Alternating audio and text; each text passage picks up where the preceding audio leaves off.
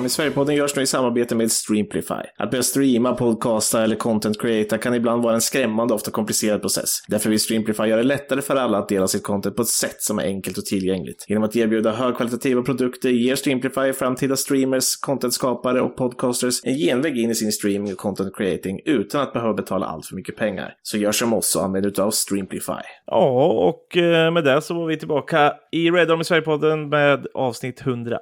182. Fan, det börjar bli många nu, Micke. Eller vad säger du? Ja, det börjar bli. Snart 200.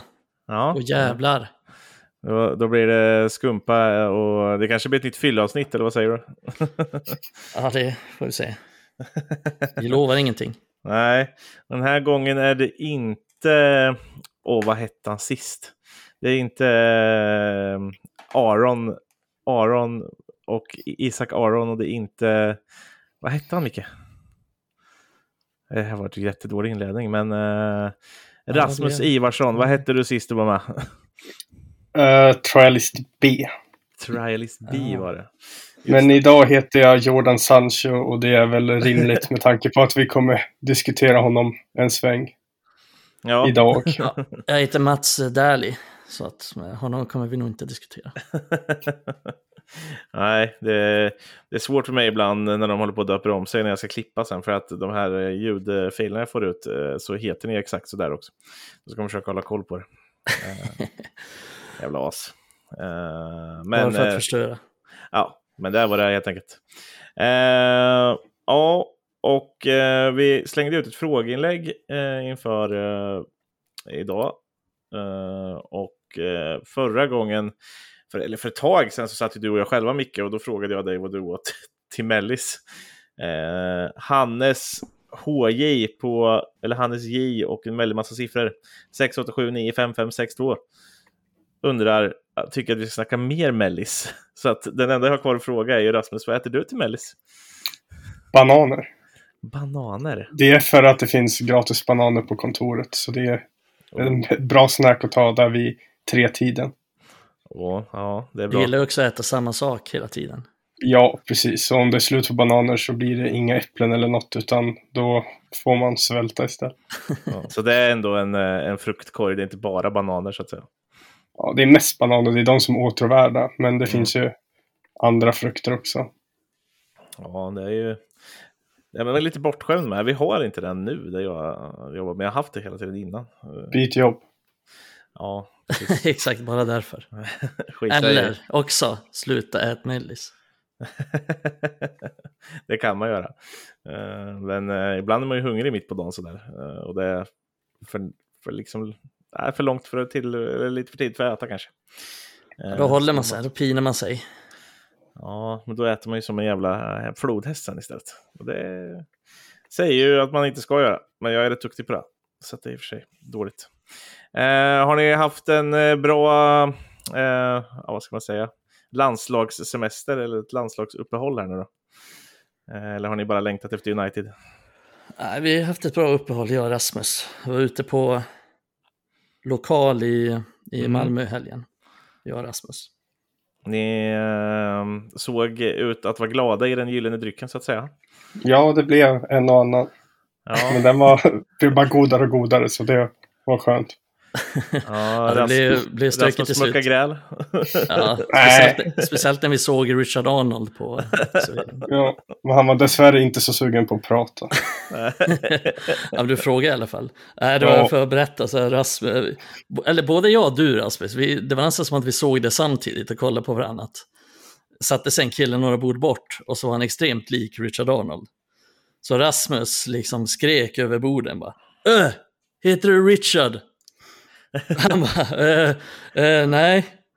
Rasmus bara, "Ah, okej, fan. Okej, men gillar du, gillar du öl? Han bara, ja, ja, ja, det gör jag. Och du gillar att prata? Ja, jo, jo, det gör jag. Okej, då är det Richard Arnold, vd Manchester United. gillar du öl och gillar du att prata? Ja, men de var alltså fruktansvärt lik faktiskt. jag var väldigt lik. Baserat på, eh, på den här, när Richard Arnold eh, mötte några supportrar som skulle, som skulle protestera mot eh, United så mötte Richard Arnold upp dem på en pub och så filmade några i gänget det.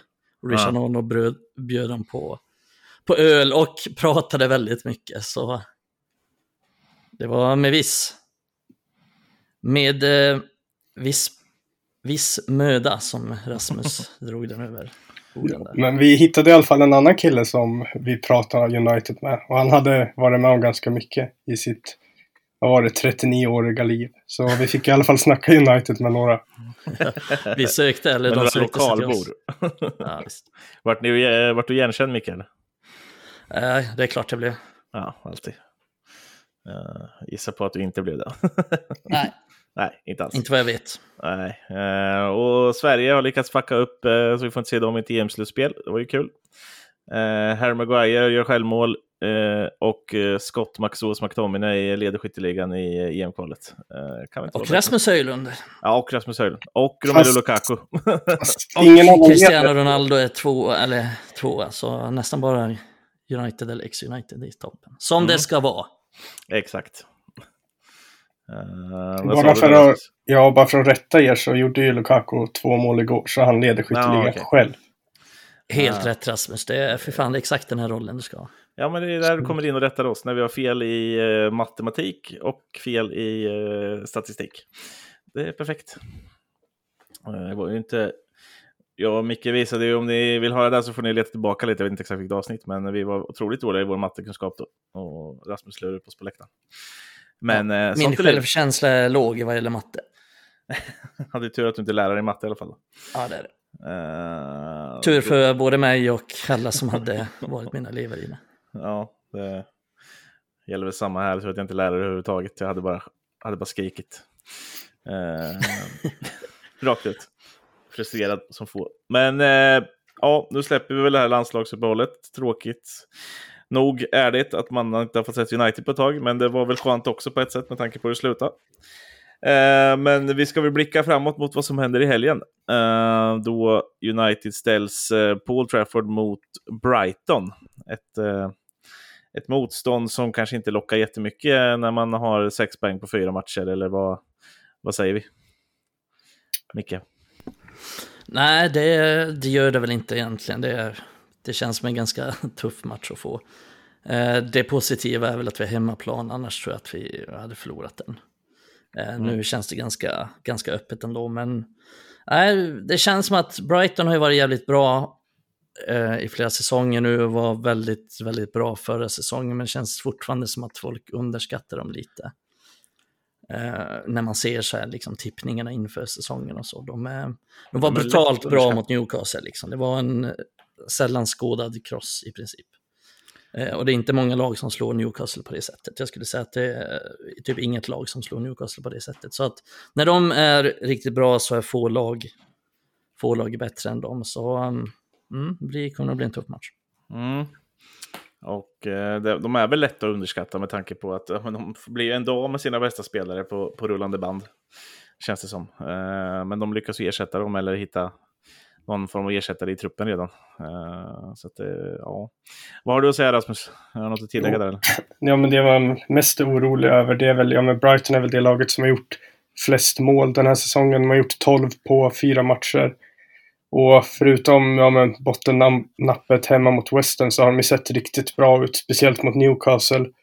Och med tanke på hur skadeläget ser ut bakåt så vet man inte riktigt vad kommer vi ställa upp med för försvarslinjen. Det kan ju bli lite avgörande för matchen skulle jag säga om Martinez kan spela eller om han inte kan spela för jag tror lätt att de har i alla fall två mål i sig och då krävs det att vi har våra bästa spelare så att vi slipper göra tre för det har jag svårt att se United göra med tanke på hur de har startat eh, mm. säsongen offensivt. Nej, vi är ju inte ens tre mål mot IF Älgarna. Nej, precis. Uh, så jag menar, möter man ett, ja, så jag menar, möter man ett lag som men, är det mest målgladaste i ligan så krävs det att man har en stabil defensiv och det är som jag sa, ska repetera mig igen efter 30 sekunder, men att vi har våra bästa spelare tillgängliga bakåt. För annars kan det bli en väldigt tråkig lördag eftermiddag. Väldigt pedagogiskt av det Rasmus. Det är mm. läraraktigt att yes. repetera det man säger. Mm. Händer ofta när man pratar i radio också. Så här, mm, ja, men det är alltid någon som radio. missar. Vad man... Eh, nej men, eh, mm, så är det verkligen. Och sen, eh, vi har ju inte bara defensiva avbräck utan också på mittfältet och då är det ju främst att Amrabat nog inte är redo att spela och Mount är väl förmodligen inte heller redo. Och det lämnas egentligen med McTominay, Eriksen och Casemiro kanske som, som alternativ, alltså mera defensiva alternativ. Sen finns ju Bruno såklart, men Bruno kan ju vara den som spelar på högerkanten, så vi har ju enormt många avbräck lite överallt. Det som känns hyfsat bra är väl att jag hoppas och tror att Höjlund startar den här matchen och sen att vi har Rashford som hot och det är väl de två eh, som jag ser som vår styrka i den här matchen. Mm, men om vi tar det här lite lagdel för lagdel då, för att eh, nu, nu är det ju, vi har ju inte oss mycket att välja på, eh, men hur ställer, de, hur ställer vi upp en sån här match? Det, vi börjar, alltså, det, där bak kan man ju bara hoppas på. Lindelöf är ju uppenbarligen frisk, även om han haltade av eh, sist. Han har startat båda matcherna för Sverige. Eh, Martinez har inte spelat i landslaget nu. Eh, och det känns som ett jävligt osäkert kort. Vem spelar bredvid honom ifall han inte spelar? Liksom? Är det Maguire eller, är det, eller istället för honom? Eh, är det Maguire eller Evans? För det är väl de två vi har att välja på. Liksom. Ja, men, men då är det väl säkert Maguire kan jag tänka mig. Men uh, jag är ganska säker på att Martinez startar. Mm. Utan att egentligen veta någonting så är det min... Det är liksom den feelingen man får. Jag tror inte han är så allvarligt skadad liksom, utan det var mer en försiktighetsåtgärd. Ja, och det, det, kan man vara glad om, om Argentina håller till en försiktighetsåtgärd. Men eh, är det bara jag eller börjar man, börjar man bli lite orolig att han, att han drar på sig skador eh, lite titt som tätt? Eh, Martinez? Ja. Ja, jag har inte riktigt tänkt på det. Det kan väl finnas en en oro i det. I så fall, om man missar den här så kanske blir lite mer orolig, men nu känns det mest bara som att jag vet att han fick någon slags smäll och sen var det okej. Okay. Mm. Men, men eh, alltså, man har ju sett spelare få smällar och man såg Martinez i början när han kom få smällar och, och gav ut smällar. Men inte fan klev han av liksom. Uh, nu byts han ändå ut uh, mot Arsenal. Uh, och det var väl något man inte hade tänkt. Man hade inte tänkt byta ut Lindelöf heller, men det, det, det, det, känns ju inte jättebra. Och det är samma sak innan. Vi har gjort väldigt många byten redan på mittbackspositionen i inledningen av säsongen, vilket kanske vilket är, är väldigt ovanligt. Uh, och, och, uh, ja, man blir lite oroad över det, för jag vill helst inte se Evans och Maguire igen uh, spela ihop. Mm, framförallt inte mot Brighton. Nej, det, det, det var det tungt om de två spelade ihop. Men det tror jag inte är så, så långt ska vi inte behöva gå den här gången tror jag. Nej. Har du några tankar om mittbackarna Rasmus? Alltså vi har ju, det blir antingen Lindelöf, Martinez eller Lindelöf, Maguire och där, ja, Lindelöf och Maguire har väl nästan aldrig kompletterat varandra riktigt bra, utan när de väl spelade ihop så var det ofta problematiskt och Lindelöf Martinez tycker jag ändå har varit en okej okay backup-plan när Varann har varit borta. Så, så länge Martinez är tillbaka så tror jag att det är en match som man skulle kunna vinna genom att ha det stabilt bakåt. Men blir Martinez borta så tror jag det blir tufft. Speciellt med tanke på, ja men Shaw är också borta så man kommer få spela antingen Dalot på vänster eller med Region och det är väl inget som är optimalt kanske. Inte för, ingenting ont om Region men han har ju fortfarande inte spelat på så sätt. Han kanske behöver några fler träningar och matcher innan han kommer in i spelet till fullt. Och Brighton kanske är en dålig match att få testas fullt ut i. Kan vara dåligt att möta Solly Marsh i första matchen, tänker du? Ja, dels det och sen att man vet att det är ett offensivt skickligt lag. Det vore ju kanske skönt att man får lite lättare motstånd, kunna komma in i det utan att man blir utsatt för hög press på sin kant under en hel match som man riskeras att göras mot Brighton. Alltså jag är inte så orolig för, när jag tänker på Brighton så tänker jag inte så mycket på deras individuella spelare. Det är klart att de har många bra spelare, men jag är snarare orolig för deras lagspel, deras liksom, sammanhållning i pressspelet och att de är ja, men typ världens bästa lag i speluppbyggnaden och nästan omöjliga att liksom, pressa. Eh, och kunna vinna tillbaka, de är svåra att vinna tillbaka bollen mot och de är väldigt aggressiva i sin press och de är väldigt bra i återerövringsspelet och så vidare och så vidare. Så att jag, jag är mer orolig för de sakerna och till exempel ska Reglion spela eh, nu har jag inte sett super, super, super mycket av Reglion, men vad jag har sett så är han ju ingen... Alltså hans styrkor ligger inte i passningsspelet kanske. Eller att bli... Eh, att liksom bli pressad och det, det ligger ju inte i Fambisakas styrkor heller. Så eh, vi har ganska många viktiga val att göra och det är på innermittfältet och det är på i mittbacksplatserna och på ytterbacksplatserna och högerytterplatsen och det känns väldigt oroligt på väldigt många olika sätt, vilket är lite märkligt på ett sätt, för att jag tror att om, säg, spola, spola framåt en månad så tror jag att vi kommer ha ett jävligt bra lag. När alla är tillbaka och när Amrabat har spelat in sig, när Höjlund har kommit in i det hela. Men just nu känns det väldigt bräckligt på många positioner. Ja, man blir ju då jävligt orolig eftersom du säger just att man möter Brighton. Eh, och, och, eh, Passar Eriksen in i den här matchen? Eller ska man spela McTominay då? Egentligen så passar han ju inte in, men vi har inte supermycket val. Alltså, McTominay är väl bra på sitt sätt, men vi, vi kommer ju fortfarande ha det problemet att han är ju inte superbra när han blir pressad heller. Och Eh, på att spela sig ur situationer och på att behålla bollen och liksom vara bra i passningsspelet. Sen har väl McTominay mycket bättre fysik än Eriksen, men ja, det beror lite på vad man föredrar där, men jag känner mig inte supertrygg med något av dem. Nej. Eh, alltså jag vet inte, det där känner jag att eh, det beror lite på. Alltså säg att Martinez är borta, då hade jag nog hellre startat eh, eh, McTominay framför, för då hade vi nästan kunnat få riktat in oss på att backa hem. Uh, om eh, men startar Martinez så tror jag vi kan ganska lugnt kontrollera matchen ändå. Eh, det kom med att Brighton kommer pressa. Men han är ändå en bra spelare med bollen, men det är inte mm, varken Evans eller Maguire. Så att, ja. Nej, jag, jag, jag, känner mig lite kluven just där, men det, ja, det är de två alternativen vi har, så vi har inte så mycket att leka med just nu. Det är precis som du säger. Uh, men jag tänkte att vi skulle flytta fram egentligen, för det är väl där ihop med en jävla massa grejer som har hänt. Uh, som, uh, som du säger, Rasmus Höjlund hoppas vi får se starta nu då. Han har ju fått spela cirkus 65 minuter, eller 70 minuter fotboll under landslagsuppehållet här nu. En halvlek eh, mot Finland och 25-30 ish. 33. 33 till och med. Okej. Okay. Var det så mycket? Ja, det är bra.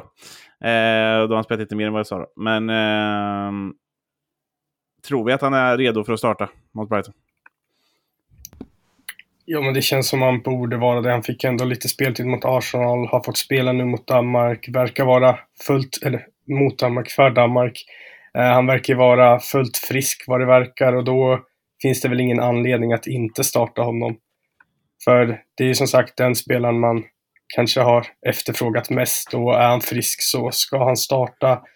Och alternativet är väl Anthony Martial nu när Rashford kommer nog starta till vänster. Och då ser jag mycket hellre att Höjlund spelar och det ska faktiskt bli intressant att se honom från start också. För mm. första mm. gången. Ja, men jag håller med om det. Jag tror ändå att det var ganska stor sannolikhet att, jag tror han funderade ganska länge på att starta honom till och med mot Arsenal. Mm. Eh, så jag är ganska säker på att han startar den här matchen, speciellt med tanke på att han fick de här viktiga minuterna. Det är inte ofta man tänker så att åh, nu ska han spela för sitt landslag, men i det här fallet var det väldigt bra att han gjorde det. Eh, så det får mig att tro att han definitivt startar i den matchen. Och jag tror, jag tror också, jag håller med Rasmus, det ska bli, jag är jävligt spänd inför den här matchen, för jag tycker det ska bli så intressant att se just Höjlund spela och jag tror att han kan vara väldigt nyttig och väldigt farlig i den här matchen. Och jag tror att, jag, jag nämnde väl det innan, men jag tror att eh, Höjlund och Rashford i något slags omställningsspel är, är liksom vår bästa chans att, att vinna den här matchen tror jag. Mm. Och eh, då kommer vi till den här frågan då, vem kompletterar dem där uppe? För att vi kommer ju gå in lite på det sen, men vi kan väl ta eh, Sanchos fortsatta problematik här. Han hade inte, alltså jag bara säger spontant nu, men vi pratade ju Sancho förra veckan mycket med, med Adam också. Uh, och har, hade inte han fått starta om han bara hade hållit käften i den här matchen? Högst troligt. Ja, det hade han väl fått gjort. Eh, men sen verkar han ju haft... Alltså det fanns ju en anledning till att han sa det där också, att han inte tog ut honom. För det verkar ju som att Sancho har haft problem under ganska lång tid, att han ofta kommer för sent och, och den typen av disciplinära problem. Och det har väl gett, gjort att Ten till slut har blivit ganska trött på honom. Men, men visst, det var... Från, från Sanchos sida så var det extremt dålig timing och, och du har ju rätt i det att det hade varit bra chans för honom att starta.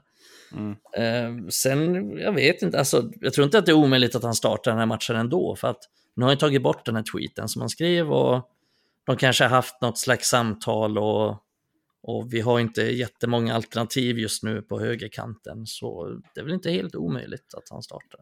Hade inte Facundo Pelisti kunnat få förtjäna en start då? Efter att ha suttit där på bänken. Ja, förtjäna, ja det kanske man kan tycka, men jag, jag tror inte att det är aktuellt, om jag ska vara ärlig. Nej, det, om man säger så då, bland till exempel våra läsare på de i Sverige och allting sånt där, så, så skriks det ju lite. Och man läser det på Twitter att det är många som tycker om Pelistri. Men varför tror du inte att det är aktuellt just med honom?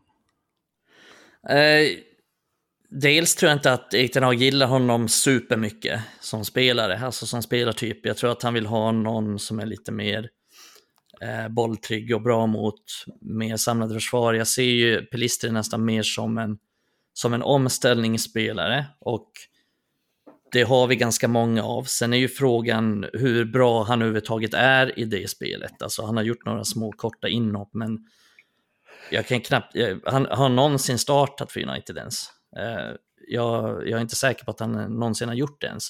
Så frågan är hur bra han är överhuvudtaget. I, och dessutom mot den här typen av motstånd. Sen tror jag att en av största anledningarna till att han inte spelat så mycket är för att han är, vad jag har sett, eh, det lilla i A-laget är han är ganska dålig defensivt. Eh, och väger ganska lätt i de defensiva situationerna. Alltså ändå gjort, under det korta speltid tycker jag att han har gjort några defensiva misstag som jag inte tror att Erik Den Hag är särskilt nöjd med. Så jag har svårt att se att han startar den här matchen och jag har svårt att se att han kommer starta jättemycket överhuvudtaget i United någonsin. Mm. Det, det, är lite som du var inne på, ja men ser mest som en omställningsspelare, många har skrikit efter honom. Det är väl lite samma situation med Garnacho. Han har ju varit som allra bäst när han har kommit in i matcher där det är matchbilder som passar honom och hans spel. Men när han har startat så har det inte blivit lika bra, i alla fall inte under den här säsongen. Och på det sättet är de väl ganska lika. De kanske är bra spelare att komma in i matcher och förändra matchbilder, men just att starta matcher och göra det som krävs åt båda håll under åtminstone 60 minuter, det tror jag ingen av dem riktigt har. Och det gör väl att ja, det alternativet sållas, bara, sållas ut och då är det väl i alla fall till lördagens match är det väl i princip bara Sancho som finns kvar om man Erik Ten Hag ska spela med någon spelare som man verkligen vill ha på den positionen. För jag menar, Bruno skulle också vara ett alternativ, men då skulle det kanske krävas att Mason Mount är frisk och spelredo och det är han ju inte. Och därmed har jag också svårt att se något annat alternativ än att Sancho faktiskt startar. Ja, precis. Eller, mm, bra. För ni vill inte se Garnacho där ute? Nej, jag, jag har aldrig sett Garnacho spela på högerkanten. Och då har jag ändå följt honom i liksom U18, U21, A-lag. Jag har aldrig sett honom spela där. Han har något så här, du vet att han har liksom bytt i fem minuter i, eller någonting sånt under mm. en match. Så när han, jag tror att det var han och Rashford som spelade, så gick Rashford eh, var ute på högerkanten liksom i, mm. eller Rashford var ute på, så gick Garnacho ut på högerkanten eller något sånt. Då minns jag att han var där i några minuter, men jag har aldrig sett honom spela en match eller ens en halvlek som högerytter. Och det tror jag inte är aktuellt. Och så här, baserat på hans egenskap, alltså på det han är bra, om vi kollar på vad Garnacho är bra på, så är han ju ingen högerytter. Han är inte den som går på utsidan och slår inlägg. Och det är ju snarare Pelistri ganska bra på. Pelistri kan gå på utsidan och slå inlägg, så att Pelistri passar ju någonstans in på högerkanten. Men Garnachos edge är ju precis som Rashford, att han driver på vänsterkanten och så kan han gå eh, åt båda hållen. Han kan antingen gå in eh, på skott när han viker in med högerfoten eller så går han lite mer på utsidan där han också kan gå på skott med vänsterfoten från dålig vinkel eller slå ett inspel. Eh, så det, det, tror jag faktiskt inte heller är aktuellt. Jag tror att om, vi bara, om jag bara ska avsluta eh, Pelistri så... så jag säger att han har helt... startat en match mot Betis borta förra året. Ja, um, minns inte att han gjorde något, gjorde han något väsen av sig den matchen. Inte vad, inte vad jag minns. Jag kanske gjorde det. Men eh, exakt, det var det jag ville komma till också. Han har ju, han ju aldrig i princip startat. Eh, och då har det ändå, vi spelar ganska många oviktiga matcher. Eh, så jag tror inte att han är aktuell. Jag håller med Rasmus där. Han är en sån spelare som kan komma in i, i han kan byta sig in i matcher och göra skillnad eftersom han är en irrationell spelare. Han kan göra sin gubbe, han kan eh, hitta på någonting. Han, och så vidare och så vidare. Det som skiljer honom mot Ganacho är att Ganacho är jävligt mycket bättre som spelare tycker jag. Mm. Um, eh, nej men uh, åter till, uh, till högerpositionen, det är väl, uh, det är precis som du säger där också Rasmus, att jag tror att på sikt när alla är, säg om tre veckor när Mount är tillbaka, när Amrabat är spelklar och kanske till och med Kobe Maino är tillbaka i spel, då tror jag att Bruno kommer spela en del högerytter, för då har vi råd att sätta ut honom dit. Vi har ingen jättebra högerytter just nu och vi vet att Ten Hag använt Bruno där ganska mycket.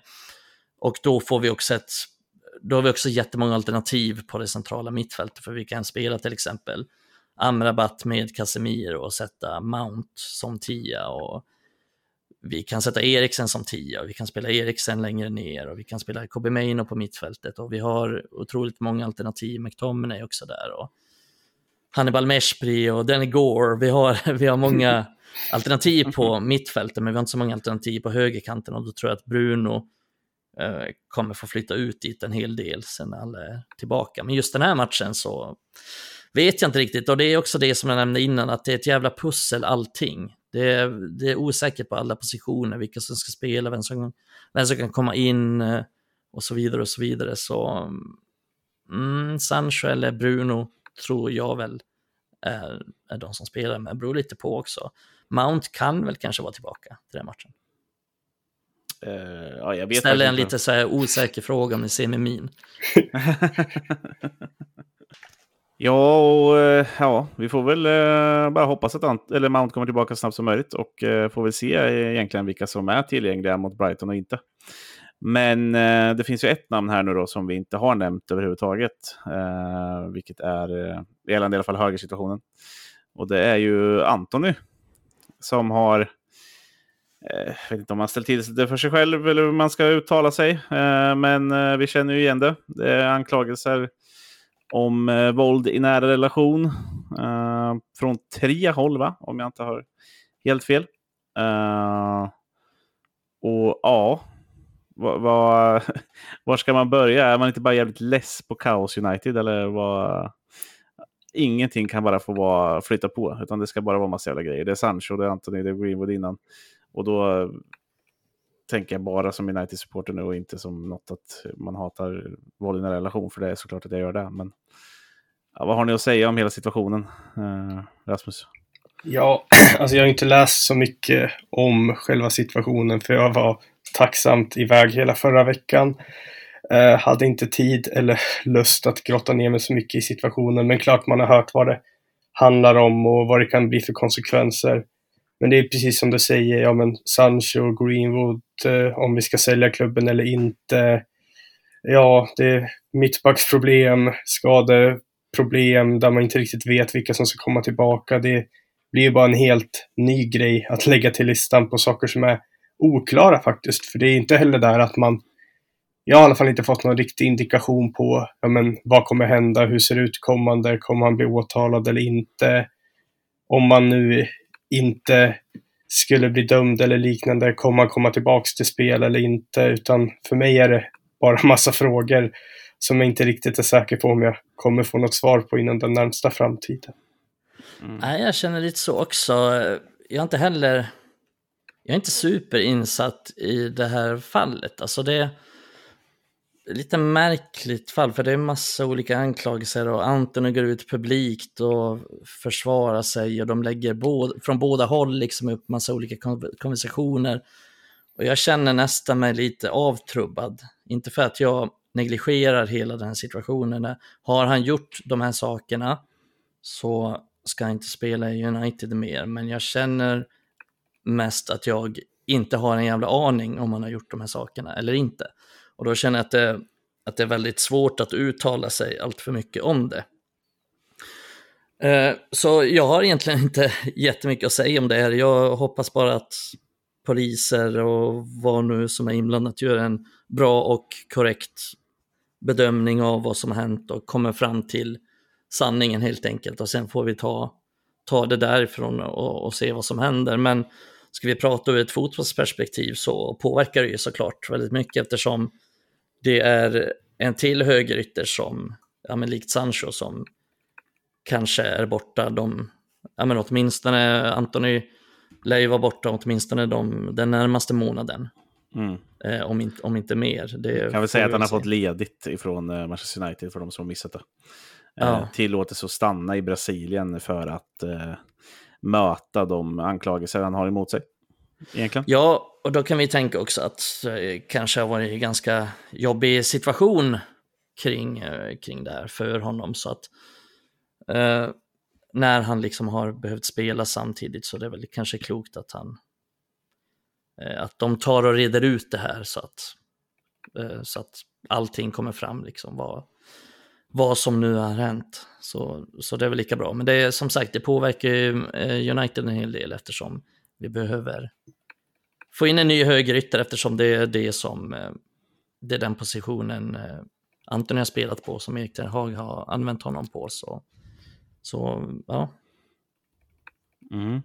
Många hade ute jublar väl för de har inte varit jättenöjda med Anthony eh, ifall han skulle försvinna. Men eh, om man bara tar situationen i sig då, det, alltså det som eh, det som man vet är väl att han har blivit anklagad från tre olika håll och som du säger, det slängs ut en massa grejer. United District ska ha fått ett telefonsamtal som ni kan läsa på, på Twitter eller nuvarande X. Eh, var inte Eh. United We Stand eller vad fan de heter. Uh, det var det inte District? Ah, skitsamma, ja, det kanske var United Vision. Uh, det finns i alla fall, det är inte svårt att söka upp. Eh, eh, och eh, där det ska vara någon form av komplotttankar just eh, typ emot honom. Eh, Ja men exakt, det är lite det jag menar. Liksom. Det är först bevis åt ena hållet, sen bevis åt andra hållet. mm, Jag tror att vi bara nästan får liksom acceptera att det är jättesvårt att säga någonting just nu. mm. Och att han kommer vara borta ett tag eh, Mm. och att eh, United får lösa situationen ut efter det. Mm. Det hade ju varit alldeles briljant eh, för Ahmad ifall han hade varit frisk, tror jag. Att, Ja, eh, precis. För Ahmad är ju en... eh, Alltså, Ahmad är en. Han är ganska lik Anthony, så han kan nog spela den roll som Erik Ten Hag vill ha, eh, som Anthony har haft. Alltså att han kan göra samma saker som Anthony gör. Eh, men Ahmad har ju också lite samma svagheter som Anthony, det vill säga att han inte är jättebra på att utmana kanske och saknar lite fysik och är mer av en playmaker än en spelare som kommer göra supermycket poäng Eh, och spotta in i mål. Så eh, Vill man ha en direkt ersättare till Antoni så är Mad rätt spelare, men vill man ha mer, fler mål och fler poäng så vet fan, då kanske Bruno Fernandes är det bästa valet på den positionen. Mm. Ja, vi har ju sett Bruno Fernandes ösa fram poäng i Portugal här nu också. Så att nu bara hoppas han kan ta med sig det in i Manchester United också. Eh, vad gjorde han sist? 1 plus 3 eller något? Eh, Han är ofta jävligt bra mot Luxemburg. ja, Sällan lika bra på Emirates Stadium mot Arsenal eller på Anfield mot Liverpool. det, Nej, jag ska inte är håna Bruno, men det är lite av en trend. det tycker du? Eh, nej, Har men... du någonsin gjort mål borta mot Arsenal eller Liverpool eller? Inte verkar minnas. I så fall något straffmål. Eh, Inte många assist heller kan jag tänka mig. Nej, han satte väl straffen mot City va? I... ja, exakt. För det kommer inte vara straff, men han har inte gjort många. Ja, han gjorde väl eh, målet mot City också, det berömda offside-målet. Eller som inte blev offside. Eh, var väl han som gjorde när Rashford eh, eh, var offside och sen sket i bollen och sen så slog eh, Bruno in den. Det gjorde han väl i alla fall förra året. Ja, just det. Eh, Men var det på Etihad? Nej, Nej, det var Paul Trafford. det var på Trafford. Eh, Precis. Ja. Alltså borta mot dem. Ja, ja, ja. Precis. Nej, men lite som du var inne på tidigare också Jonas. Ja, men, eh, hur länge kommer han vara borta? För jag vet, ja men både Mendys eh, case tog ju väldigt länge. Eh, Mason Greenwoods case tog lång tid eh, till det verkligen blev rättegång innan det nu visade sig att det inte blev någonting av det hela alls. Men bara där ser man att det tar väldigt lång tid att reda ut allting och skulle det visa sig att Anthony kommer vara borta på obefintlig framtid, vi ser åtminstone till början av nästa sommar, ja då behöver vi kanske hitta en högerytter i eh, januari. Och det är också en ny sak att lägga in i hela pyramiden kring osäkerheter United. Vill man verkligen lägga pengar på en högerytter? Ska man satsa på rotera Ahmad, Pelistri och Bruno eller vad ska man göra? Så det känns ju som man också skulle vilja ha lite klarhet i hur lång framtid det verkligen rör sig på. För nu är det som du sa, ja, han är hemma i Brasilien och är ledig så länge, men hur länge ska han vara det och vad gör klubben för att gå vidare med hela situationen? Mm. Um, man hoppas ju på något sätt också att det blir en fullständig utredning utav det ändå. Eh, så att det inte landar tillbaka på att det dras tillbaka massa anklagelser och sånt där. Det blir enklare för alla. Eh, och att den blir ordentligt gjord. Eh, I alla fall från min synpunkt. Och, och, på ett sätt så är det väl bara bra att han är borta nu en stund. Men som sagt, oklart hur länge det blir. Ja, men helt enkelt. Jag skulle också börja lyfta, för du nämner ju typ Mendy där. Och han hade väl en liknande situation. Uh, och jag blir bara lite trött på att i vissa situationer så är det helt okej okay för media att hänga ut namn och, och spelare och, och, och allting sånt där och det blir ett jävla pådrag medan i andra situationer så är det inte det. Men att vi tar, att hela fotbollsvärlden tar ett ordentligt jävla tag om det här. Att det är, att det är det här som liksom någonstans måste det bli ett stopp på det. Att uh, en del kan inte få fortsätta spela och en del Eh, en del eh, blir uthängda som eh, någon form av liksom, eh, hänggubbar ute på en eh, öppen gata där alla får slå på dem. Eh, Thomas Partey är fortfarande under anklagelser till exempel. Jag bara tar upp honom. Alltså det finns ju överallt. Antingen så eh, tar man ett tag tillsammans. Det kan inte bara vara att vissa klubbar ska göra det. Liksom. det är någonstans där min, min tanke ligger i det hela. Eh, jag vet inte vad ni säger om det, Micke. Det, Nej, men det är, alltså det är väl vettigt liksom att alla, alla, alltså alla fotbollsklubbar har ju ett ansvar också i det. Att, eh, att ta det här på allvar och, och verkligen, eh, verkligen se till att det blir konsekvenser av det också. För som det är just nu så tänker fotbollsklubbarna mer på sin business än vad de, än vad de gör på, än att de tar beslut som, som är rätt snarare. Och det här har vi sett komma under en lång tid med, med olika aspekter, liksom. inte bara vad gäller typ av våld, då, utan snarare att de alltid gör vad som gynnar dem mest och vad som ger dem mest pengar och vad som kanske får dem att förlora minst pengar. Så det är, det är bara sorgligt att se eh, att liksom alla fotbollsklubbar och fotbollsvärlden är längre ifrån oss supportrar. än än den någonsin har varit och spelarna verkar också komma längre och längre ifrån och tror att de är odödliga och kan göra vad de vill. Så mm, det, det är det jag känner med också, att jag känner mig, känner mig nästan lite avtrubbad kring det. Och som jag sa innan också, att med det menar jag inte att jag inte tar det på allvar att han har gjort, om han har gjort någonting, men snarare att jag bara, nej jag orkar inte. Mm. Gör, en, gör den här utredningen och se till att göra en bra utredning, men jag, jag orkar liksom inte lägga energi på det. Nej. Lite, eh. så, jag känner, lite så jag känner med, med den här, speciellt när det kommer nu igen efter så tätt efter Greenwood. Det känns också så tråkigt, liksom, varför startar vi den här podden? Alltså vad, ja. vilken anledning? Jo, för att vi ville prata om Manchester United, vi ville prata om fotboll och saker som händer, händer på planen och nu känns det som att vi blir någon slags försvarare av mänskliga rättigheter och vi sitter och, alltså, skulle vi bli ägda av, av Saudi liksom så får vi ta den diskussionen och sen eh, får vi alla de här, alltså alla våra spelare får de här anklagelserna mot sig, då måste vi ta dem, ta de diskussionerna och jag vet inte om vi är liksom rätt personer att göra det heller, så det känns, det känns alltid lite småkrystat på något sätt. Men jag hoppas att det blir helt okej okay innehåll i alla fall. Ja, men det är ju också, ja men precis som du säger, eller båda säger, man blir lite avtruppad för det är ju så många gånger det har hänt, både i Sverige, i Saudi, när de byggde VM i arenorna. Det är ju så mycket skandaler som händer fotbollen överallt och det hanteras på olika sätt. Jag menar, Jamal Blackman körde onykter när han var i Östersund. Då blir det en mm. behandling. I England får han spela som vanligt. Han fick ja, knappa böter liksom. Eh, Sergio Peña, Kingsley Sarfo. Det har hänt så många gånger och det kommer alltid upp i, när man ska prata fotboll, så blir det alltid de här negativa sakerna och hur... Marcus folk... Alonso som vi tänkte låna in. Ja, mm. precis. Men det blir så här... Körde rätt man... och körde ihjäl en person. Ja, jag menar bara man lägger ihop allt så blir det så här. Kommer man ju till det ni pratar om. Ja, men, vad har fotbollsvärlden för ansvar? Vad skickar de för signaler om man låter någon spela? Det behöver inte vara... Det kan ju vara att någon säljs till ett annat land och så får de spela där. Och så är det helt okej okay där och så är de bortglömda. Bara för att mm. de har gjort ett fel på ett ställe så borde det få konsekvenser genomgående. För annars kommer man ju aldrig kunna ta bort den här stämpeln från fotbollen.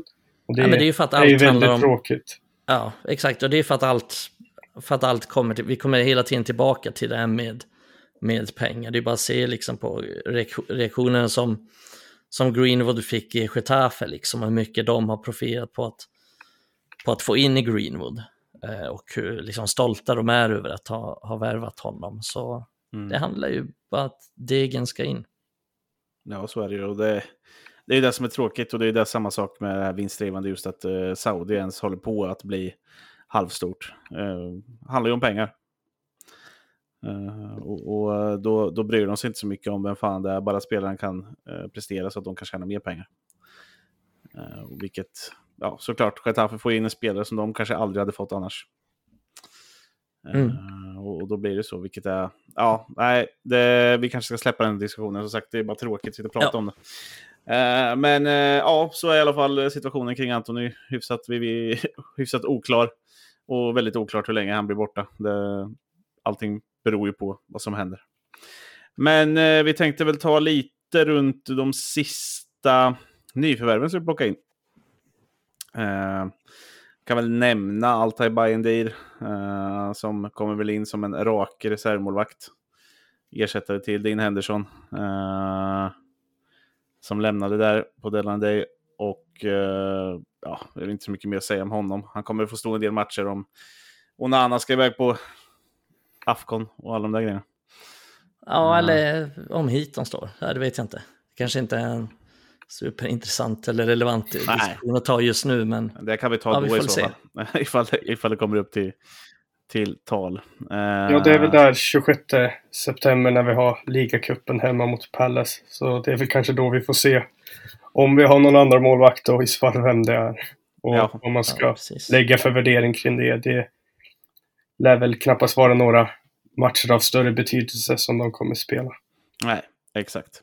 Eh, men däremot så kan vi väl röra lite vid eh, Sergio Region och eh, ja, vid Sofian Amrabat. Jag höll på att glömma bort, jag höll på att säga Nordin Amrabat, men det är hans storebror. eh, om jag inte är helt fel ute. Eh, men vi kan ju börja vad heter med... I, vad heter han i andra namn? Jag vet faktiskt inte det. Jag har inte kollat upp det. Ja, det är fan svagt. Eh, det är en googling bort dock. och jag, jag, känner det rätt så sker den googlingen just nu. Eh, det är eh, väldigt så. men Sergio Region Rodriguez heter han. Vi kan ta något annat namn. om vi börjar med honom då.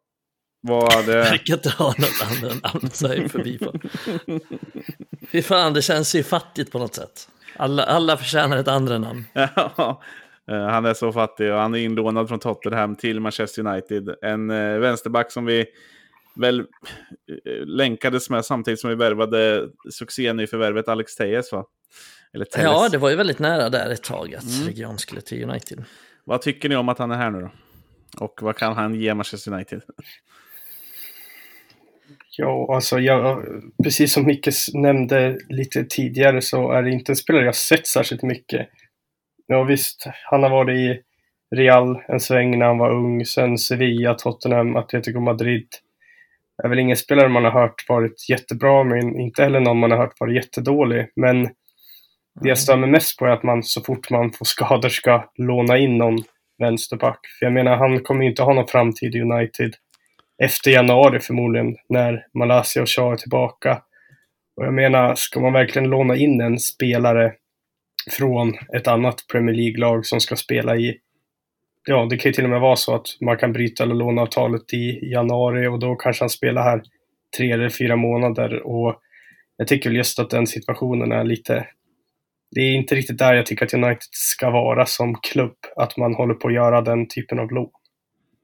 Nej, jag, jag håller med, för att alltså kollar jag på det rent logiskt så kan jag förstå varför de gör det, för att både Shaw och Malaysia verkar vara skadade åtminstone jag säga, två månader till eller något sånt. Ja, lite oklart också. Alltså, ja, exakt, väldigt oklart. Eh, då kommer vi till det här som jag och Rasmus ofta diskuterar, vi andra också, i, i chatten då och då, att ja, United är ju totalt värdelösa på att ge uppdateringar kring, kring de skadade spelarna, men de verkar ju vara långtidsskadade och det är väl därför det här lånet kommer in och på så sätt så, så, är, det väl, eh, så är det väl rimligt, men jag håller med Rasmus där också, att jag tycker det är tråkigt och vi har en, en ung spelare som är bra på vänsterbacksplatsen i Alvaro Fernandes. Nu lånades han ut till, till ett La Liga-lag istället. Eh, men jag hade hellre sett att, ja men använd Dalot och Fernandes som vänsterbackar mm. istället. För att låna in en spelare som inte har någon framtid i klubben. Men uppenbart eh. måste ju Ten Hag inte tro på Fernandes. Alltså just nu i alla fall. Ja, sen är han ju, det har väl kommit mer och mer till insikt till att han är väl, han är ganska dålig på att ge unga spelare chansen. Eh, och framförallt våga, våga ge spelare chansen. Eh, mm. Och det kan man väl säga med Pelistri också bland annat som vi pratade om tidigare. Eh, men nej, jag tror väl också att om vi ska prata region, nu är han här, nu är beslutet taget. Eh, så tror jag att han är en, kommer vara en okej okay spelare. För där tyckte jag du sa något bra Rasmus, även om det inte var så spektakulärt sagt. att Du har inte hört att han har varit så bra, men du har inte hört att han har varit så dålig heller. Och det tycker jag ändå sätter huvudet på spiken där, för att jag tror att det kommer vara en ganska stabil värvning. Han kommer göra sex av tio insatser när han väl spelar, tror jag. Eh, sen har han ju varit skadad en del på slutet. Han spelar inte så många matcher med Atletico förra säsongen. Eh, men jag tror ändå att det, han, kommer, han kommer sköta sig okej okay när han spelar. Och, men jag hoppas ändå att vi försöker använda våra spelare i så hög grad som möjligt. Så jag ser gärna att Dalot till exempel som spelade senast, att, att han fortsätter på den positionen eftersom han har, han har varit ganska bra där på sistone. Men ja, det är väl ett ganska riskfritt lån om man säger så. Ja, eh, och vi betalar väl ingen eh, lånesumma för honom heller. Nej, och kan avbryta det tidigt. Ja, och det, det, är väl det som är bra med det. Och eh, jag förstår vad du säger Rasmus, säger det här att vi inte ska vara den klubben som gör sånt där. Men jag tänker att vi fick ett mycket från Swedish Rumble som var här att vi hade inte så mycket alternativ. Det var inte så att vi kunde köpa jättemycket. Och, och ja, de ansåg väl att ett lån för Fernandes var bättre och att man då kunde få in Region eh, på ett gratislån, förutom lönen då, eh, ändå var mm.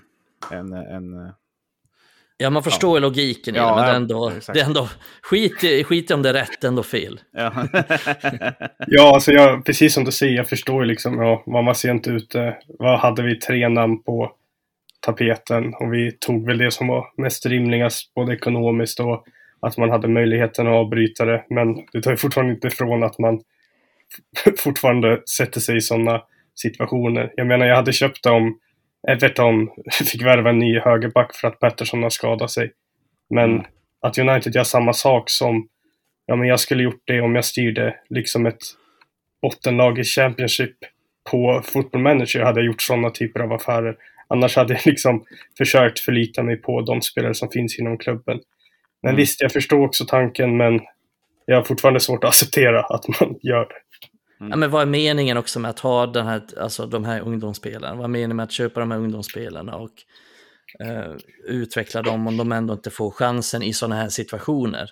Sen fattar jag att Fernandes inte går före eh, Luke Shaw, men någon gång måste ju våra spelare, alltså våra egna spelare också få, få chansen att bevisa sig. För hade inte till exempel varit Martial som blev skadad på uppvärmning så hade Rashford, aldrig, Rashford kanske aldrig slagit igenom. Mm. Eh, Så, alltså, man vet aldrig heller hur, hur de här spelarna reagerar när de får sina chanser. Sa du precis att Martial skadade sig på en uppvärmning? Har det hänt förr?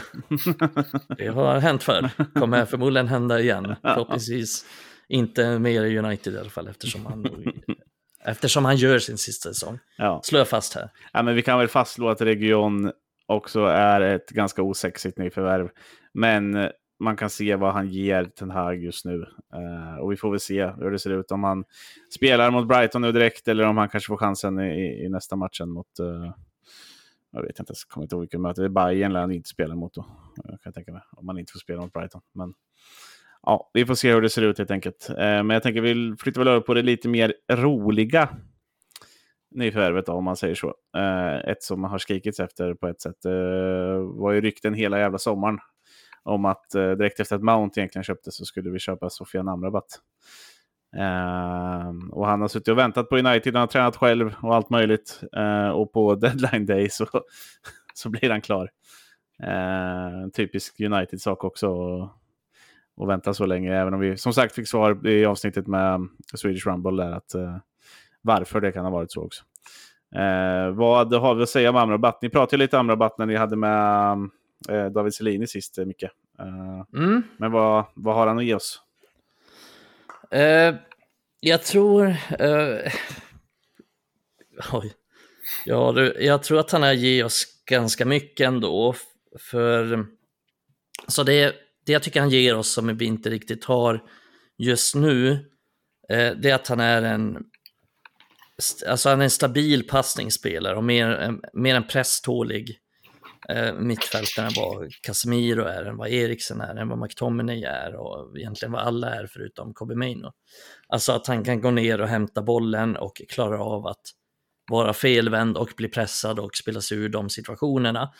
Sen är han ju, alltså om vi kollar på, på det mer defensiva mittfältet så är ju Casemiro kanske en, alltså i grunden så är Casemiro en bättre spelare, men det Casemiro gör som jag inte alltid gillar, det är att han, trots att han är någon slags defensiv mittfältare, så försöker han hela tiden slå avgörande passningar.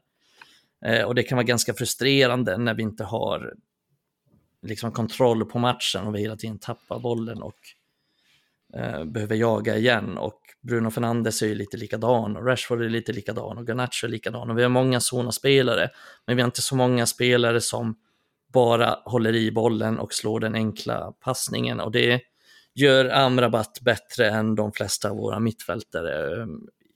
Jag har kollat lite eh, klipp med honom och försökt liksom kolla så här passningsstatistik och alla sådana saker. Och han har ju, ja, precis. Eh, och han har ju, bara om vi kollar passningsstatistik så, har han ju, så ligger han kring 90 procent och det är ingen av våra mittfältare som ligger så högt. Så att han är en stabilare passningsspelare, men han är inte lika bra på att slå avgörande passningar eller eh, på att göra mål eller assist eller liksom sista boll som Bruno Fernandes är eller som Casemiro är också, för det är ju Casemiro extremt bra på, alltså överraskande bra på för att vara en defensiv mittfältare. Sen, Mm sen är det ju så att han har ju spelat i ett Serie A-lag och han har spelat liksom landslagsfotboll, det är där man har sett honom och det går inte att komma från den lilla brasklappen att det kanske är lite lägre kvalitet på motståndet oftast och lite lägre tempo än vad det är i, än vad det är i Premier League. Eh, men jag tror ändå att han kommer vara ett väldigt nyttigt nyförvärv som ger oss eh, dels ett säkert passningsspel men också alltså en spelare som kan löpa i 90 minuter och är en bra närkampsspelare, en bra tacklingsspelare, går in i många situationer och eh, och jag tror att vi, vi behöver det och baserat på de första matcherna så tror jag att han kommer vara ganska bra. Alltså säga att vi möter, jag tror att han kommer starta i typ varje toppmatch vi spelar och säga att vi har eh, honom bredvid Casemiro, då tror jag att det blir ett väldigt, väldigt, väldigt bra och starkt och försvarsstarkt mittfält som kommer vara stabilt och svårt att ta sig igenom jämfört med vad det är nu, så jag tror ändå att han kommer ge oss väldigt mycket. Mm. Vi har en fråga från eh, El Gato de Porro. Eh, eller El Gato på, på, eh, på Twitter. Eh, han undrar om du tror, eller vi tror att han enbart är backup till Casemiro eller om han kommer starta liksom för Eriksen eh, slash Mount på mittfältet bredvid. Så jag, jag, tror väl Micke svarade ganska bra på det mm. alldeles mm. nyligen. Att han kommer nog starta alla toppmatcher. Ja, men de matcherna mot topp 6-lagen. Kanske de tuffare matcherna i Europaspelet. För det är just där vi har haft som störst problem. Speciellt under förra säsongen så var vi ju, blev vi totalt överkörda på mittfältet i många matcher mot bättre lag, speciellt på bortaplan. Och det är väl där han kommer fylla en lucka som vi har saknat länge och som jag tjatat om flera gånger att ja, vi behöver lösa mittfältet med en mittfältare som kan spela bredvid Casemiro mot de bättre lagen. Och på så sätt så ser jag honom inte som en direkt ersättare till Casemiro, även om man kanske i vissa matcher kan spela istället för Casemiro om det visar sig att man inte vill starta med honom i varje match, vilket jag också ser, har svårt att se att man gör. Mm. Ja men e- exakt, jag tror att han kan fylla flera olika roller, att han kan spela istället för Casemiro men också med Casemiro. Eh, och det är ju vårt mittfält mycket mer dynamiskt och flexibelt, att vi har, vi har jättemånga olika alternativ nu. Eh, och på papper i alla fall så har vi ett väldigt bra mittfält, men det som, det som oroar är ju faktiskt att Casemiro varit ganska dålig den här säsongen. Och med tanke på alltså Casemiros nuvarande form så är jag inte ens helt säker på att Casemiro startar liksom i, är helt ordinarie i, framöver. Eh, just nu kan man ju gå in eftersom vi har så många borta, men säg i december, jag är inte helt säker på att Casemiro är den första in i det mittfältet direkt. Eh, så det, det beror lite på, men det är Ja, det har det väl lite att göra med som du sa förut, eller att liksom, när vi är i december så kommer laget se mycket bättre ut. Han kommer ha mer att laborera med beroende på motstånd med Mainu mm. och Amrabat, Mount, uh, Fernandes. Uh, alltså så länge alla håller sig skadefria så att säga. Men, men det ger oss ju en helt annan nivå på mittfältet också om man tittar på de spelarna. Ja, och jag tror att det är framförallt i toppmatcher så tror jag det kommer bli, eh, bli, nytt, bli väldigt nyttig. Jag, jag är inte säker på att han kommer starta jättemånga matcher i den här, alltså säg Nottingham Forest hemma. Mm. Så jag är mm. inte säker på att han kanske är superviktig att ha. Men eh, framförallt tänka på de här borta matcherna där vi hade stora problem förra säsongen. Då tror jag att han blir en extremt viktig spelare i dem. Mm, mm. Det enda som oroar mig är väl att ja, men sen, sen i mitten av juni så har jag bara spelat 45 minuter med Fiorentina i en träningsmatch mot ett Serie D-lag. Han har inte haft någon riktig försäsong, även om han har tränat själv. Han var lite skadad när han kom till klubben, så frågan är ju när han väl är redo. Som du sa Micke innan, ja det är ett annat tempo i England.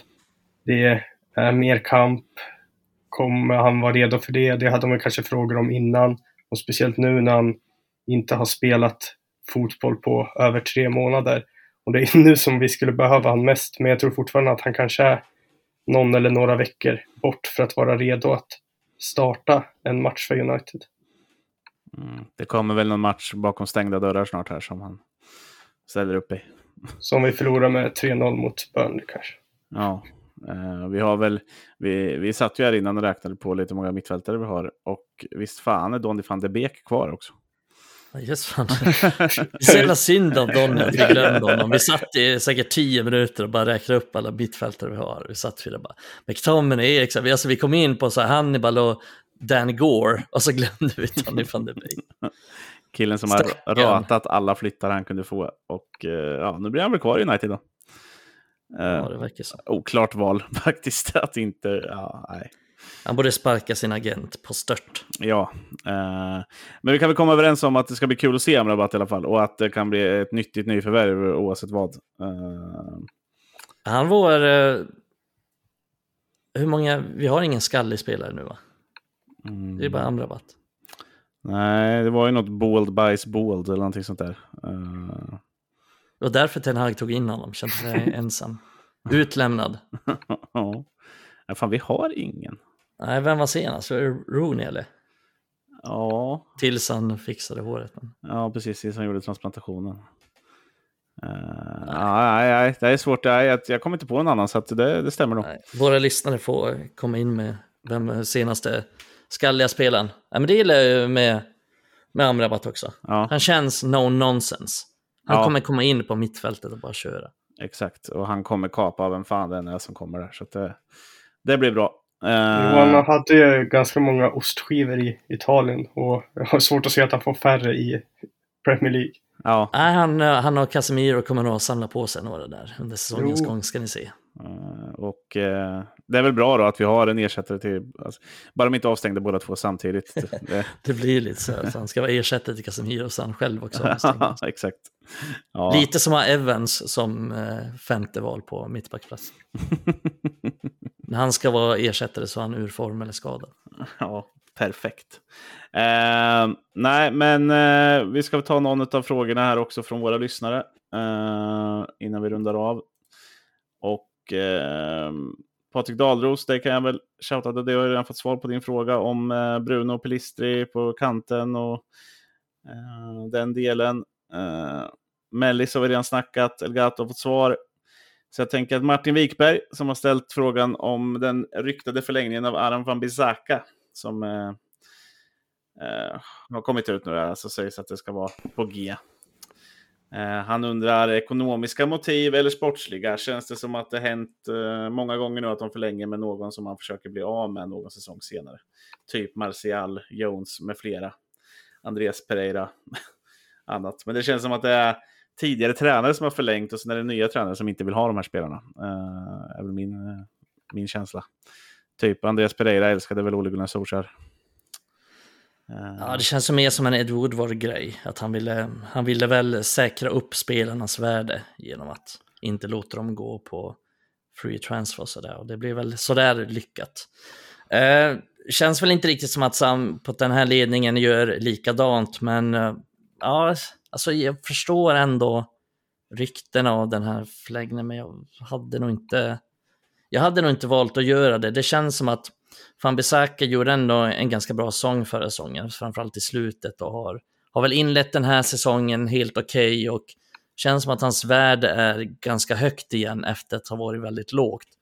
Så från min synvinkel så hade nu jag försökt sälja honom i sommar och sen satsat på att köpa in en ny högerback som kanske kan vara första val och som Andalå som, som reserv. Eh, för jag tror ju inte att Van Bissaka är en, en spelare som ett topplag ska ha. Man kan liksom inte ha en, visst han har sina förtjänster men man kan inte ha en spelare som, som bara är bra på att tackla. Och folk säger ofta att han är bra defensivt, men kolla till exempel båda målen mot Nottingham Forest som han har ett finger med. Och han är så jävla dålig i luftspelet och just markeringsspelet och positionsspelet. Och en spelare som ofta upphäver offsiden. Och sen tycker jag att, men största problemet med honom tycker jag är att han är för dålig med bollen, liksom, för dålig i uppspelsfasen, för, enkel, för enkelt för lag att ta bort, eh, ta bort eh, liksom den, eh, den, eh, det spelalternativet och sådär. Så faktiskt sån här statistik idag eh, från The Devils DNA på Twitter, eh, ett ganska bra United-konto att följa, eh, som har räknat på hur många gånger varje spelare i United har tappat bollen på egen plan den här säsongen. Och där var ju Casemiro etta tror jag, Bruno Fernandes två och sen Van Bissaka tre. Så att Mm. han är också en sån som att, och då är ju Bruno Fernandes en sån spelare som har råd att göra det eftersom han gör så mycket nytta offensivt på andra sätt. Men jag tycker inte att vi kan ha allt för många av den typen av spelare som hela tiden tappar boll och Van Bissaka gör det ganska ofta på egen plan halva dessutom. Han är ingen, han är ingen bra passningsspelare och han är ingen bra, han är ingen bra uppspelsfot. Och... Känns inte som han passar till en Hag. Alltså egentligen. Nej, han passar väl inget topplag egentligen heller. Och sen, som sagt, innan jag faller skit mot mig, jag vet att jag tycker också att han har gjort helt okej ifrån sig. Så där jag ser hans förtjänster han gör. Men jag tror att det är ett, jag tror att det är ett bra läge att sälja honom eh, faktiskt nu och satsa på, satsa, på någon, satsa på någon annan. Så jag hoppas inte att han får ett nytt kontrakt. Nej. Har du något att tillägga Rasmus? Uh, nej, inte så mycket. Jag har väl väl sammanfattat av mycket. Men det är väl bara för att ta ett annat exempel. David de Gea, och han har gjort bra grejer. Han var bra på sina grejer. Det var rätt, Exakt. rätt att släppa honom nu för att det är en spelare som Ten Hag inte vill ha. Och jag har svårt att se att Ten Hag vill ha Fambisaka om två säsonger när han har fått ytterligare fyra transferfönster att värva spelare för. Och det är sådana spelare du måste sluta förlänga med. Jag menar Fambisaka, Donny, McTominay. Ja, vi har ju fortfarande kvar massa spelare som Erik Ten Hag i grunden inte vill ha om man har bättre alternativ att välja mellan. Och jag menar, värdet är fortfarande högt. Jag menar, vi skulle säkert kunna få mellan 20 och 30 miljoner pund för honom om man går till, tillbaka till Crystal Palace eller om man går till något annat lag i ligan. Så man får väl försöka dra in pengar när man väl har chansen. Det är Exakt, också något kl- klubben be- verkligen behöver bestämma sig för nu. Ja, men ska vi verkligen casha in på den här spelaren eller ska vi förlänga honom? De måste ha en plan för de kommande åren, inte bara tänka på att säkra upp spelare som de gjorde under Woodward. Exakt, och jag tror, alltså, som du säger, får vi typ 20-25 eller vad vi får så tycker jag ändå att det, det är okej värde, för då har vi inte tappat så mycket av de 50 som vi, som vi, som vi köpte honom för, så då känns det ändå som ett, ja, det, det blev en helt okej sejour i United, även om det aldrig var värt de pengarna där och då. Eh, Jag tycker det är en ganska bra jämförelse med de Gea faktiskt, för att det är också en spelare som, alltså många United-supportrar gillar ju van Bissaka och många United-supportrar gillar de Gea och jag tror att jag har gjort den här parallellen tidigare, men det är ju för att de är bra på vissa specifika saker som är väldigt synliga. Att de Gea var bra på, på att göra en viss typ av räddningar och det syntes ganska tydligt, så det är enkelt att se det och samma med van Bissaka. Han är bra på att tackla och vinna boll och det är det som syns på planen, men det syns ganska sällan när han missar den här första passningen eller när han har läge att slå mellan linjerna men han väljer att spela hem istället. Eller när han står fel i positionen eller när han missar markeringen inne i straffområdet. De sakerna syns inte lika tydligt om man inte riktigt letar efter dem. Ehm, så det är ju därför jag tror att han, han är ganska, alltså om jag skulle säga den senaste säsongen, de mest överskattade United-spelarna, så hade jag ju nämnt de Gea och Fambisaka kanske. Eh, för att eh, de är bra på de här specifika sakerna som kanske inte är, alltså i dagens moderna fotboll kanske inte är superviktiga längre i, i, samma, i samma utsträckning som många andra saker har blivit viktigare. Eh, och han är för dålig på de här sakerna som är väldigt viktiga idag, till exempel att ha eh, en bra teknik och bra uppspelsfot och kan ta sig ur pressade situationer, för det är han, det är han väldigt dålig på. Så nej, det känns som rätt läge som sagt. Ja, det mest tydliga, eh, som du säger, om den här moderna ytterbacken. Van Bissaka har ju gjort liksom 12 assist på 150 Premier League-matcher. Det finns ju vissa ytterbackar som har gjort det på en säsong över hela Europa. Och det är väl liksom, ska man ta en modern ytterback så behöver man också vara betydligt skickligare framåt än vad någon av våra ytterbackar egentligen är i dagsläget. Det är väl troligtvis en sån spelare man kommer eh, hitta framöver när man ska förstärka på den positionen. Det kanske är någon som är mindre sexig bakåt, som inte gör de här glidtacklarna, men i sin helhet så måste man ju också anpassa sig efter hur fotbollen ser ut nu, 2023. Ja, precis. Eh, han är ju extremt dålig offensivt. Han fick ju något läge där på försäsongen, ett enormt bra läge, så sköt han ut bollen från Snapdragon Stadium. Så, nu övergång till Uniteds nya sponsor. ja, eh, jag vet inte hur mycket vi ska nämna på det här, men eh, vi har ju alltså till nästa säsong ökat på, eh, eller egentligen tagit in en ny sponsor då, eller valt en ny tröjsponsor, huvudsponsor överlag. Till, och, eh, nu är vi ju lite ute och cyklar här allihopa tror jag, men, men Snapdragon heter de i alla fall. Och eh, jag vet att Uniteds eh, med Team Viewer var värt cirka 47 miljoner eh, pund tror jag, eller om det var euro, kommer jag inte ihåg exakt nu om året. Och eh, det här ska uppgå till någonstans runt 62-65. Eh, eh, och det är siffror tagna från Swedish Rumble, så jag antar att det, är om siffrorna stämmer så är det bra. Uh, ja, vad har vi att säga om det här? Jag vet att loggan är ful. Eller vad säger du Rasmus?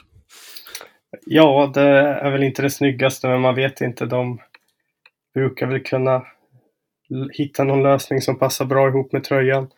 Men oavsett är det väl en ja, sån här bisak som kan vara bra.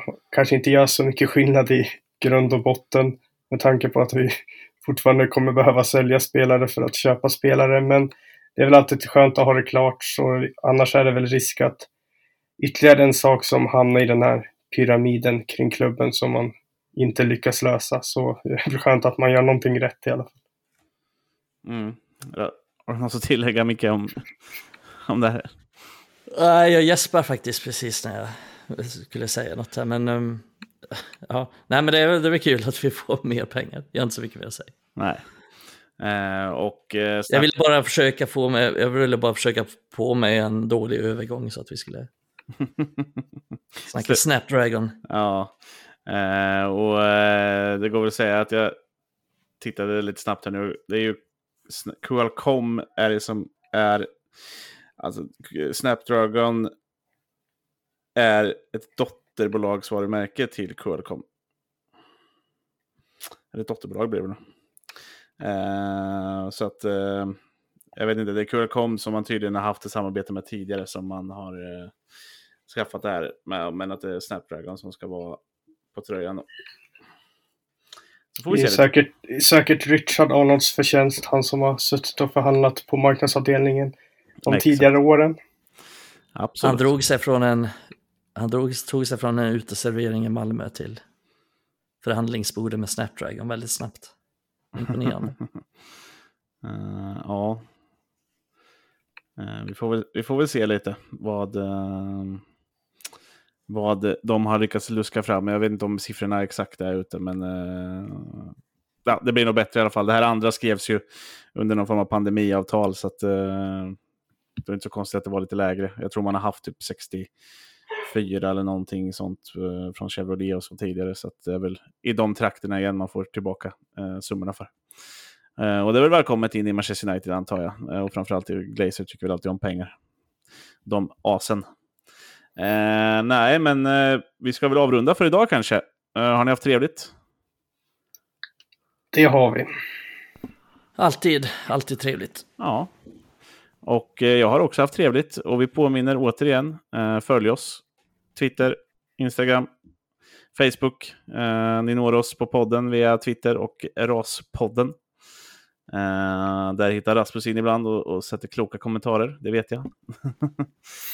och det gillar vi. vi vill ha mer av er också. Det är bara att kommentera, skriv till oss, prata med oss. vi svarar så gott vi bara kan. Eh, så eh, rundar vi väl av det här avsnittet eh, genom att säga bye bye.